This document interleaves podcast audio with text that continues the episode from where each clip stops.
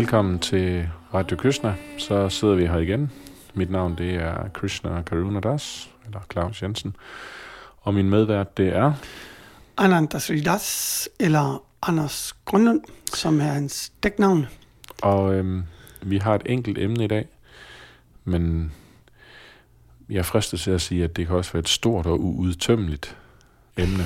ja, vi, vi har siddet der i vores forberedelse til, til optagelsen her, at øh, vi har siddet og diskuteret næsten en time. Ja. Og øh, bagefter så kiggede vi lidt på hinanden og tænkte, jamen, burde vi egentlig ikke have optaget det her, fordi det var ret interessant. så nu må vi se, hvad der så øh, hvad det bliver til den her omgang. Mm. Men det drejer sig om organdonation. Og der er så en artikel her fra TV2 Østjylland, hvor øh, der er en forening, der er gået på gaden, fordi de vil gerne gøre folk opmærksomme, gøre folk bevidste og mm. få folk til aktivt at tage stilling og gøre noget ved det her. Fordi det viser sig, at der er 90% af danskerne går ind for organdonation. Men det er kun 22 procent, som så rent faktisk har udfyldt det her papir, som gør, at de står som organdonorer. Og der er jo så en del folk, som er i den situation, at de mangler et organ og har svært ved at få det, fordi mm. at selvom opbakningen er stor, så, så er der for få, der har der ligesom har tilsluttet sig.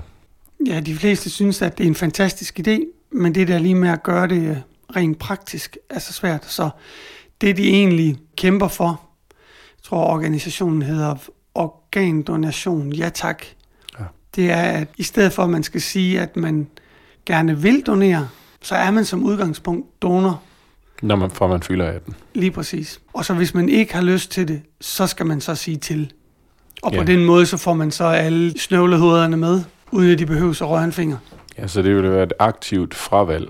Og det er selvfølgelig noget, som øh, fylder meget i det øjeblik, at behovet opstår. Og nogle gange så er det for sent at gøre noget ved det, fordi man kommer på nogle utroligt lange ventelister, og der kan gå op til flere år for at få det organ, som, som man så lige har brug for.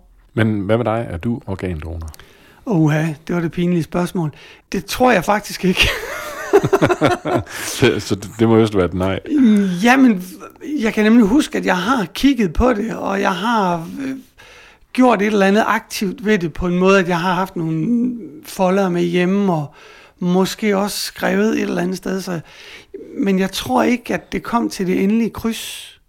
Så jeg tror faktisk ikke, at jeg er øh, organdonor, som det ligger lige nu. Hvad med dig? Er du øh? Jamen, jeg har, det har været lidt det samme, kan man sige, men det lykkedes mig faktisk at, øh, at få udfyldt sådan et, et kort, som jeg så også smed i postkassen. Så jeg skulle gerne stå som organdonor i, i arkiverne. Så hvis jeg øh, bliver syg en dag, så kan jeg spørge om at få din lever eller sådan noget? Som jeg har forstået det, så fungerer organdonation sådan, at hvis du siger ja, så er det i tilfælde af, at øh, det er jo ikke sådan, at jeg står på en liste, så ringer de mig og siger, kan du undvære en, øh, kan du undvære en nyre? Men mm. at hvis det er sådan, at jeg dør, eller hvis jeg ender, måske også hvis jeg ender at ligge i øh, at være holdt kunstigt i live, mm. så har jeg sagt ja til, at så, kan man, så må man tage mine organer og bruge Okay. Jeg kunne da godt bruge din. Altså, jeg vil da hellere have din, end jeg vil have nogle andre. Du har passet sådan rimelig godt på, på din krop. Ja, det ved jeg ikke. Fra efter 25 i hvert fald. Men der kan også have været fart på indtil da jo. Nå, okay, okay. Ja, man, kan, man kan jo sige, at det interessante her er, at umiddelbart så virker det jo som, jamen, det er en selvfølgelighed, tænker jeg, at man kan give et af sine organer, hvis man ikke længere selv har brug for det. Altså, det, jeg vil sige, det er jo også ud fra vores forståelse, at vi er ikke kroppen. Mm, vi er en mm, evig mm. åndelig sjæl. Og det, sjælen, det er mig. Kroppen, det er så et køretøj, kan man sige, som jeg har i den her verden. Så hvis det er sådan, at når jeg dør, det vil sige, når sjælen den forlader kroppen, hvis der så er nogle øh, af reservedelene, der stadigvæk er brugbare, hvorfor, mm. hvorfor er der så ikke nogen, der skulle få, kunne få glæde af ja. Ja, som spiritualist ligger det jo lige til højre benet, umiddelbart, at være organdonor, netop fordi man siger, jeg er ikke kroppen, og det er jo bare en maskine. Så hvis der er nogen, der kan bruge et, et reservehjul, eller en vinduesvisker, eller hvad der ellers er på kroppen, så værsgo, be my guest. Tag, hvad I har brug for. Jeg gik faktisk også igennem en, en liste af forskellige øh, religiøse bevægelser. Ja. og skulle se, om der var nogen, som var imod, og det var der faktisk ikke.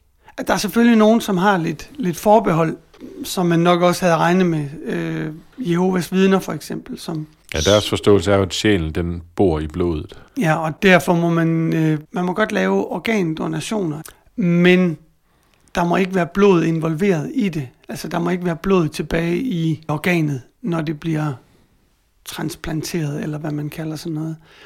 Hare Krishna hengivende er jo heller ikke som sådan imod det at give et organ. Ja, for det er jo en måde at hjælpe andre på. Ja, og, og det er jo et menneskes ikke bare mulighed, men også pligt, at man hjælper. Altså, det er jo også øh, tanken om at arbejde med at være uselvisk. Mm, At det er jo en af grundene til, at man skal give, eller det anbefales, at man giver velgørenhed. mm, Så man vender sig til, at det er ikke kun mig selv, jeg skal tænke på. Jeg skal tænke på andre også, og så give. Mm. På sanskrit hedder det pada dukkha dukhi, at andres lidelse bliver din lidelse. Altså du lider, hvis du ser andre folk lide. Så, så det er jo også en åndelig kvalitet, at man bliver påvirket, at man har medfølelse. Ja, der er empati. Ja, lige præcis. Så det er jo ikke sådan, at man som spiritualist siger, Nå, men det er, jo, det er jo bare dit karma, og så må du ligge og rode med det, og du ligger, som du selv har ret. Men at der er en medfølelse, og der er en empati, som du siger, og der er en, en barmhjertighed, hvor man ligesom strækker ud og prøver at hjælpe i det omfang, som nu er muligt, med de midler og de muligheder, man nu har. Men der er selvfølgelig også nogle andre komplikationer, som vi også sad og diskuterede op og ned ad vægge omkring, som... Øh, Og, og så bliver det jo sådan en lille smule mere snørklet. ja, det gør det sige. faktisk, fordi vi, vi begyndte at snakke omkring det der med at give. Og så snakkede vi om, øh, for eksempel, hvad gør man med en person, som måske står på gaden og beder om at få nogle penge, og man ved, at de penge går til at købe alkohol med, eller sådan et eller andet. Og hvis man ved, at det vil gøre skade, skal man så give vedkommende de penge, eller ej? Ja, for det spørgsmål er jo så, er det reelt at hjælpe vedkommende Ja, lige præcis. og give dem donation, Mm. så de igen kan, kan købe? Ikke at vi siger, at alle, som står og spørger om penge, Nej, men nej, der, nej, nej. der er nogle gange, så kan du godt stå over for en person, hvor du ligesom, det er bare tydeligt, at vedkommende er i den situation, har et alkoholproblem, mm. Og der er overvejende sandsynlighed for, at det er det, Ja. penge, de vil blive brugt til. Der er også nogen, som er direkte ærlige. Det, det er rigtigt nok. Som, Og, som og det er jo endnu bedre, Ja, kan man sige. så- Men det er fordi, at Krishna han taler i Bhagavad Gita om, at der er forskellige former for velgørenhed, mm, man kan give. Så hvis det er sådan, at du giver i velgørenhed, så kan du gøre det i godhedens kvalitet, i lidenskabens kvalitet og i uvidenhedens kvalitet. mm, Og hvis det er sådan, at du gør det i godhedens kvalitet, så giver du med den rigtige mentalitet, det vil sige din indstilling eller din bevæggrund for at give det her, er den rette. Og du giver også til en, en værdig modtager. Det vil sige en, som så også bruger det, du giver på en fornuftig måde. Og hvis det er sådan, at du giver velgørenhed lidenskabens kvalitet, så er du motiveret af selv at vil, du vil selv have et eller andet ud af det. Altså for eksempel, så kan man se, at der er nogle gange de her shows, hvor der bliver samlet penge ind. Så er der en, der kommer ind og har måske endda sådan en stor, kæmpe stor papsjek med på en million, som han så glad står og giver og overrækker til modtageren der og håndtrykker, og der bliver taget Mm, billeder, fordi mm. så, kan man, så kan vi jo se, hvor god en person vedkommende er, fordi prøv at se alle de penge, der bliver givet. Så så får man jo selv noget ud af det, hvis det Ja. er sådan, at man giver på den måde. Så det er lidenskabens kvalitet. ja, i lidenskabens kvalitet giver man nok ikke anonyme donationer. Nej, det er meget usandsynligt, fordi der skal selv være et eller andet i det for dig også. Mm. Og så er der så, hvis du giver i uvidenhedens kvalitet, det er, hvis du giver med den forkerte mentalitet, og hvis du giver til det forkerte formål. Så mm, for eksempel, hvis du har en alkoholiker, og du så hjælper alkoholikeren til at få mere at drikke, det er jo ikke en reel hjælp. Jeg kan huske også i, øh, i Peru, der havde de et system, fordi der er, det var der i hvert fald, da jeg boede derovre, der var mange, som tækkede på gaden, og det kom så frem i medierne, at mange af dem, som tækkede, var børn, som blev sendt ud af deres forældre. Og de penge, de blev så brugt mange gange til at finansiere et, et alkoholforbrug, eller stofmisbrug, eller noget i den stil. Så man gik over til, at man på tankstationerne kunne man købe sådan nogle poletter til at have liggende i bilen. Og så når der kom nogen op og bad om penge, så ville man så give de poletter, som kun kunne byttes til, jeg tror det var madvarer eller færdiglavet mad mm. af en eller anden art. For ligesom at undgå, at, at pengene blev brugt til noget negativt. Men det eksempel, som vi kiggede på, det var et eksempel, hvor Shila Prabhupads åndelige mester, Bhaktisiddhanta Saraswati Thakur, han på et tidspunkt gik en tur i øh, Odisha, i den øh, østlige del af, af Indien. Sammen med, han har selvfølgelig nogle af sine, sine disciple med, og mange af dem var så øh, familiemennesker. Ja, ja. Hvor han jo levede som sannyasi på det her tidspunkt, altså i forsagelsens livsorden, så mm. havde taget sådan et, et fuldt munkeløfte. Ja, og øh, de går så forbi en, en række med tiggere. Dem er der også mange af i Indien, og det er selvfølgelig lidt anderledes med tigger i Indien, fordi i mange tilfælde er det en selvvalgt situation, fordi de ligesom forsager materielle goder, efter de måske har været igennem et, et helt liv med arbejde og familie og det ene og det andet. Og så det vælger de, at den sidste del af deres liv, den vil de ligesom dedikere til noget spirituelt, og derfor har de ikke nogen penge. De tjener jo ikke nogen penge, og så sætter de sig på gaden en gang imellem og, og beder om nogle almisser til ligesom at få til at spise lidt. Og det er jo, det er jo så også en måde, kan man sige, at arbejde med. En ting er, at man kaster jo sin, sig mere i armene på kristne, kan man sige, på Gud ved, at man, mm. det er en afhængighed. Ikke? Man læner sig op af ham og tror på, at han skal nok, han skal nok give mig, hvad jeg har brug for, for at kunne overleve. Mm. Så det er også på den måde, det er også en måde at, at bryde eller arbejde i hvert fald med at bryde sin tilknytning til, til det materielle. Og også udvikle en lidt mere ydmyg attitude, mm. hvor man hele tiden er nødt til at, at bede for at få noget.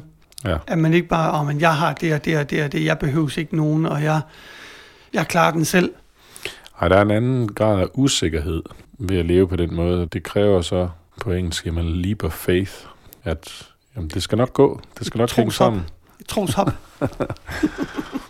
Og de tigger, som vi øh, kom fra, så var det, at der var selvfølgelig nogle af de, eller mange af de tigger, som er i Indien, er selvfølgelig tigger med et åndeligt islet. Mens der selvfølgelig er folk, som bare ikke har penge, altså som bare er fattige. Og de hengivne, som gik sammen med Bhaktisiddhanta Saraswati Thakur, de gav ikke nogen donationer, de gav ikke nogen penge til de tigger, som sad ved siden af vejen. Og øh, så sagde Bhaktisiddhanta Saraswati Thakur, han sagde, jamen, I bør gøre noget. I bør give noget. Han, han satte sig faktisk ned oh, det er rigtigt, med sine disciple der og, og gav sig til mm. at, at prædike til dem og tale om vigtigheden af at give. Og at han sagde, at øh, hvis man ikke giver, så bliver ens hjerte hårdt. Og et hårdt hjerte er specielt i, i bhakti-processen, at det noget af det øh, det værste.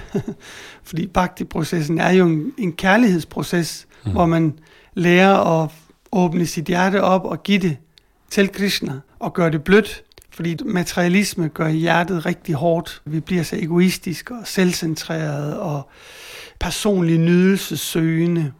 Det gør hjertet hårdt. Så det der med at bløde hjertet op er utrolig vigtigt. Og øh, han sagde, at hvis man ikke giver, så bliver ens hjerte meget, meget hårdt. Og der kom nemlig det der dilemma ind med, om man så bare skal give, uden at se på, hvem det er, der modtager det, man giver, eller hvad vi bruger det til. Ja, fordi det er jo så også det, vores, øh, vores snak kredsede sig lidt om. Det er det her med, jamen, igen, hvis det, skal, hvis det skal være sådan, at man rent faktisk hjælper vedkommende. Hvis du så har en ryger, som har røde sin ene lunge op, hvis man kan sige det sådan, mm, yeah. og vedkommende så får en ny lunge, men ikke ændrer sit liv, er det så reelt en hjælp, man har givet til personen? Mm.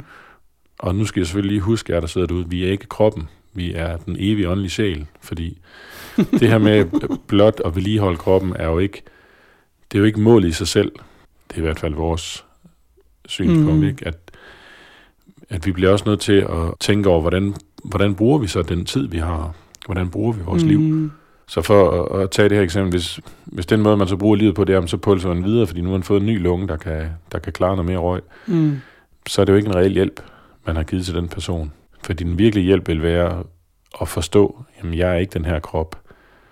Jeg er Mm. et evigt åndeligt væsen, og jeg indeholder faktisk lyksalighed og viden. Og det er Mm. bare et spørgsmål om at, at trænge ind til det, og, og ligesom kunne tabe af den kilde, som dybest set er inde i os selv. Ja. ja, det er jo også det, der gør det, det gør det svært, fordi man ville jo selvfølgelig gerne kunne vælge, hvem der skulle modtage ens organer. Og det er jo også mange af de åndelige og spirituelle grupper, som jeg læste igennem. Mange af deres øh, overvejelser er også omkring det. Modtageren. Ja, lige præcis. Hvem det er, der er modtageren, og hvad vil modtageren bruge det, de, det, de får. Nu kan jeg ikke huske, men du nævnte et tal, du sagde, det var en meget, 5%. 5%, meget lille procentdel, hvor det er nogen, som rent faktisk Ja, hvor de har Altså, ødelagt. Ja, de har levet på en måde, sådan at de har smadret et organ, og derfor trænger til et nyt. Mm, ja. I hvert fald sådan lige nu og her, fordi man kan sige, set, hvis det er sådan, man, man ser det i et større perspektiv, så hvis det er sådan, at man har et organproblem, hvis der er et af ens organer, som ikke fungerer, som det bør, Mm. så er det jo fordi, at man tidligere har man handlet på en måde, som gør, at man nu er kommet i den her situation. Men igen, så er det jo ikke det samme som at sige, at Nå, men, ja, det- det må du selv lægge råd med det der. Det er Ja, dit problem. det er din skyld. Men vores forståelse er selvfølgelig stadigvæk, at man skal hjælpe folk. Mm. Men igen, hvad er så reelt hjælp? Hvordan Ja, ja. hjælper man bedst? Ja, og det, det er jo der, det, tænker jeg, at det bliver lidt snørklet, fordi jeg havde da, altså som sagt, jeg er organdonor, fordi jeg tænker, jamen det er fint, hvis det er sådan, at du ved, hvis jeg dør i en øh, bilulykke, og der så er nogen, der kan bruge nogle af mine organer, jamen så bør det da endelig tage dem.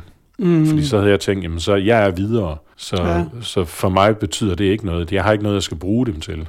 Jeg har faktisk også fået den holdning efter vores samtale, det der med, at jeg vil faktisk gerne give, men jeg vil faktisk også gerne kunne vælge, hvem det er, jeg vil give til.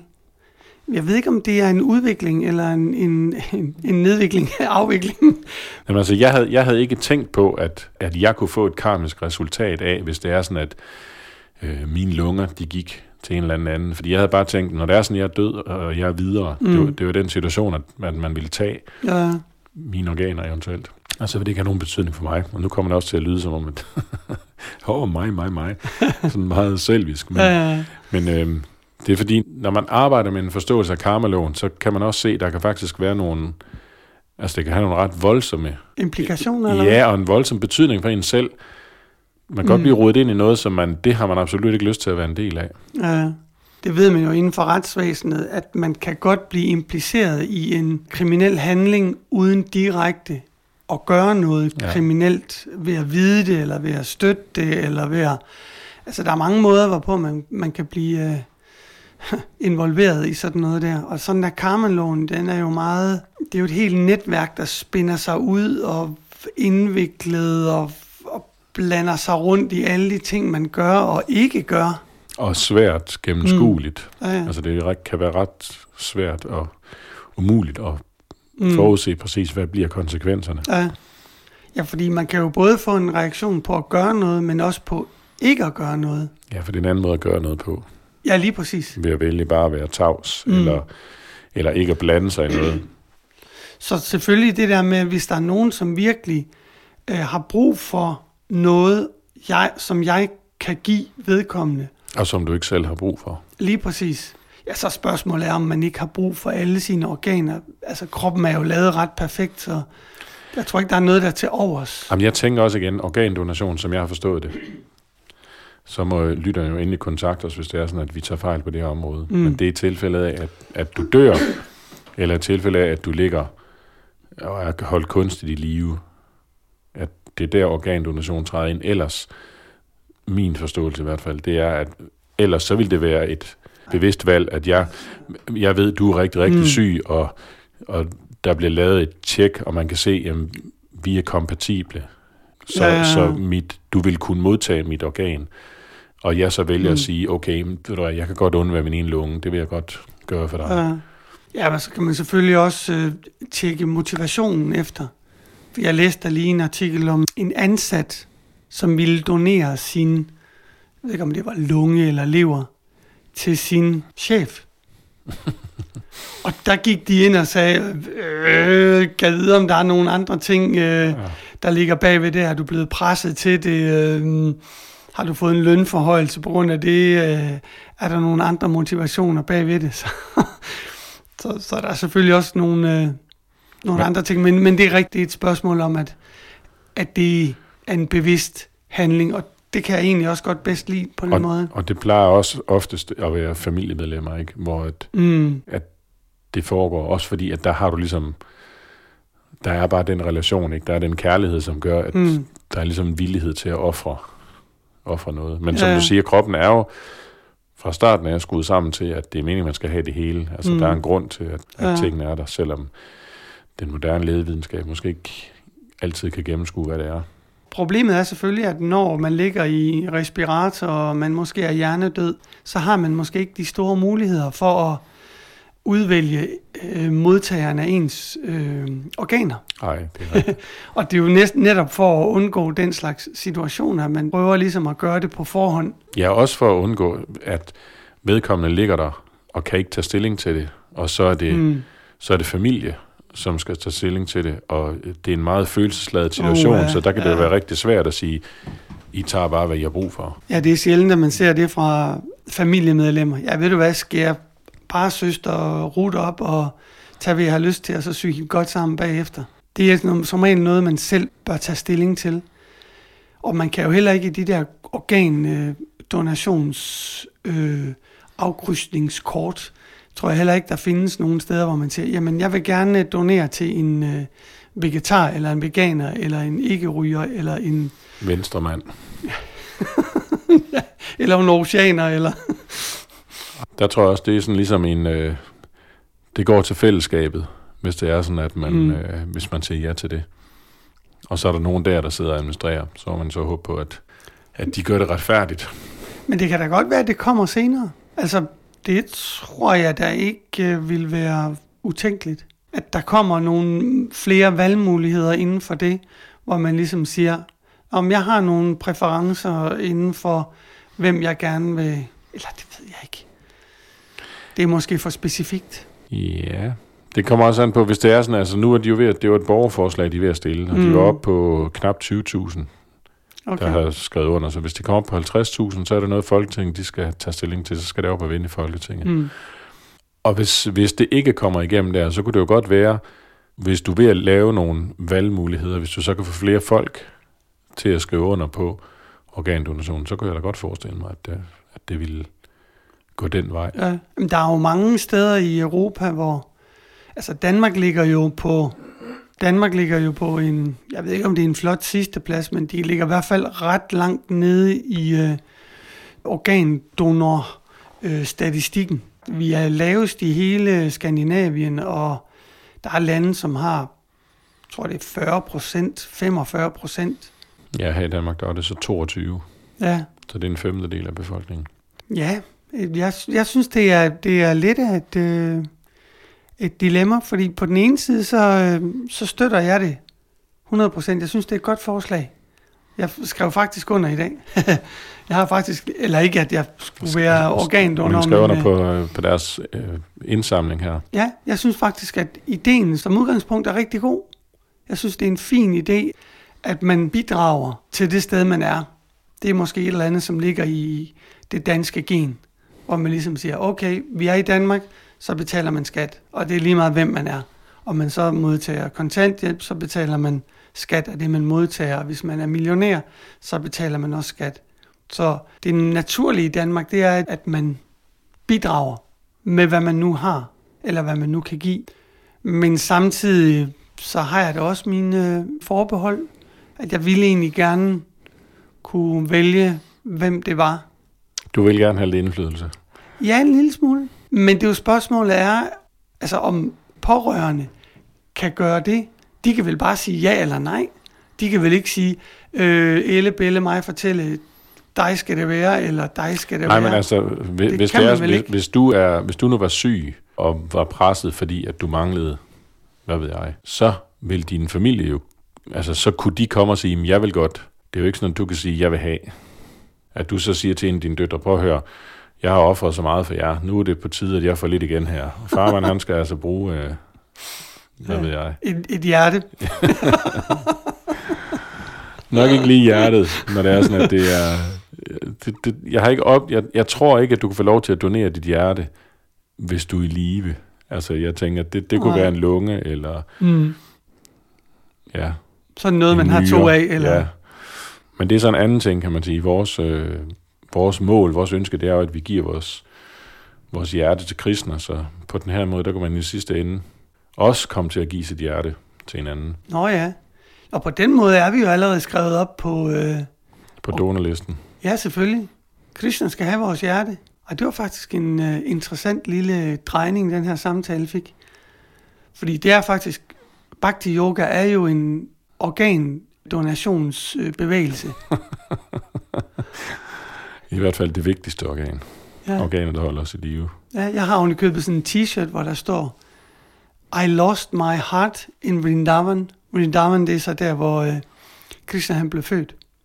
Så mange donerer også deres hjerter, når de, når de kommer til Vrindavan, fordi de ligesom giver deres hjerte til, øh, til Krishna, til Gud. Så det er jo den optimale øh, organdonation. Ja, det må være det højeste, det højeste, man kan opnå inden for organdonation. Selvom man kan så sige, om, om Gud har brug for et, for et ekstra hjerte, det kan man nok stille spørgsmålstegn ved. Men han vil i hvert fald tage godt vare på det. Det er ingen tvivl. Jeg kan huske, for mange år siden i Peru, der lavede vi et skuespil, sådan en musical, som hed Hvem giver jeg mit hjerte til? Og det var så en, en mand, som havde sådan et hjerte hængende om halsen. Hmm. Og så gik han så rundt forskellige steder og gav sit hjerte. Jeg tror, den ene sted, det var, han gik hen og købte en bil, for eksempel. Og så hang han hjertet rundt om bagspejlet eller sådan noget, og så kørte han vildt. Wow, og så ramlede han ind i et eller andet, kørte galt, og grædende tog han så sit hjerte tilbage, fordi det gik ligesom ikke så godt. Så fandt han så en pige, som han godt kunne lide, og så hang han så hjertet rundt omkring halsen på, på hende, og efter et stykke tid, så så hun en anden mand, og så tog hans, hun hans hjerte og kastede det ned på gulvet og, og trådte på og, og sparkede til, og så samlede han sit hjerte op. Jeg kan ikke huske, hvad, hvad for nogle andre ting han gik igennem, men, men ideen var i hvert fald, at han gav sit hjerte til alle mulige Han prøvede at forskellige. give det, og det gik galt hver gang. Det gik galt hver eneste gang, indtil han, øh, indtil han fandt en, som kunne hjælpe ham med at give det til Gud. Hmm. Og det var ligesom øh, ja, den eneste, som virkelig kunne, kunne passe på det. Og når man siger hjerte, så mener man selvfølgelig ikke øh, organet som sådan, men de følelser, eller give sig selv. Fordi ifølge vedderne, så befinder sjælen sig i hjerteregionen. Det er selvfølgelig en åndelig gnist. Øh, Ja, hjertet er sædet for sjælen. Ja, lige kroppen. præcis. Ja. En evig gnist, som er vores virkelige identitet. At vi så overgiver os til Krishna. Det er den rigtige organdonation. Men indtil videre, så må vi jo finde ud af, hvordan vi gør det. Men øh, som udgangspunkt, så, så skal vi give. Altså, det er ligesom... Det er i hvert fald vigtigt for at undgå, at man får et hårdt hjerte. Ja. Og med et hårdt hjerte, der mener vi selvfølgelig, at man, at man bliver selvisk, at øh, du ligesom ikke øh, helt stoler på andre, mm. At du er mistroisk. Man skal passe på, at man ikke lukker sit hjerte, så man netop ikke har evnen til at give. Mange gange sker det jo også, at man kan retfærdiggøre ens egoisme med filosofi. At for eksempel, når jamen, det er dit karma, vi ved jo, at alle modtager reaktionerne for deres handlinger. Så hvis nogen lider, så kan man jo bare sige, Nå ja, det er jo dit karma. Og det er jo en måde at manifestere et hårdt hjerte på, fordi der er ikke nogen medfølelse, der er ikke nogen... Det kan godt være, at det er et resultat af vedkommendes handlinger, men det betyder ikke, at man ikke skal hjælpe. Men der er det også det er beskrevet i Vedderne, at Krishna han bliver nogle gange omtalt som Param Atma. Og Atma, mm. Det er jo, det betyder sjælen, eller selvet, eller hjertet, kunne man også sige. Mm. Og Param, den højeste. Så Krishna, han sidder i vores hjerte. Så. Mm. det er jo vigtigt, at man, man kan jo godt, man kan godt narre andre, kan man sige. Ikke? Man kan godt have en facade, og så føre andre bag lyset. Og nogle gange, så kan man måske endda også føre sig selv bag lyset. Ikke? Altså man kan mm. tro på sine egne løgne, og man kan ja, i en eller anden grad vildlede andre og os selv sådan tro på, at jamen, det er sådan, jeg er. Mm, mm. Men, men Krishna, han sidder i vores hjerte. Han ved godt, hvordan vi er. Ham kan vi ikke narre. Nej. Så øhm, ham er vi under alle omstændigheder. Der er sådan en tvunget ærlighed fra hans side af, så vi kan lige så godt også være ærlige over for os selv, og så øh, skal vi også bestræbe os på at være ærlige over for alle andre. Ja.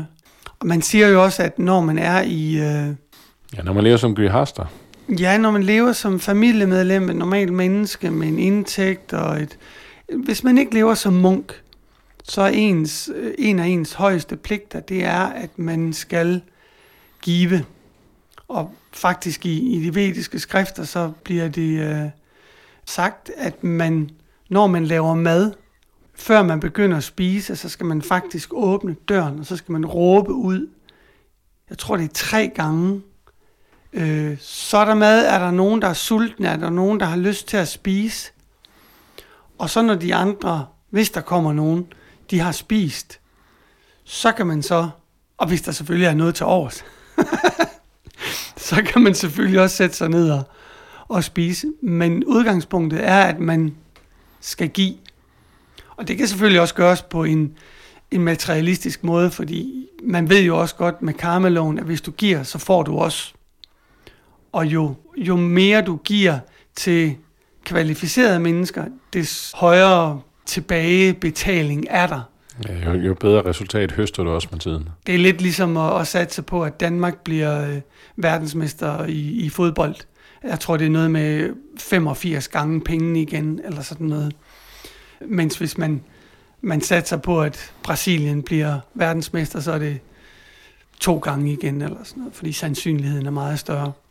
Så det der med at give, det er en så integreret del af den vediske kultur, at man siger, at når man får en, en gæst, så kalder man den Atiti Narayana. Det er faktisk en uventet gæst. Titi, det betyder tidspunkt, og Atiti betyder et, et ikke-tidspunkt. Et, hvis der kommer en person, som man ikke havde ventet, Mm. og vedkommende skal behandles som Narayana, som, Som, som den højeste herre selv. Ja, som Gud.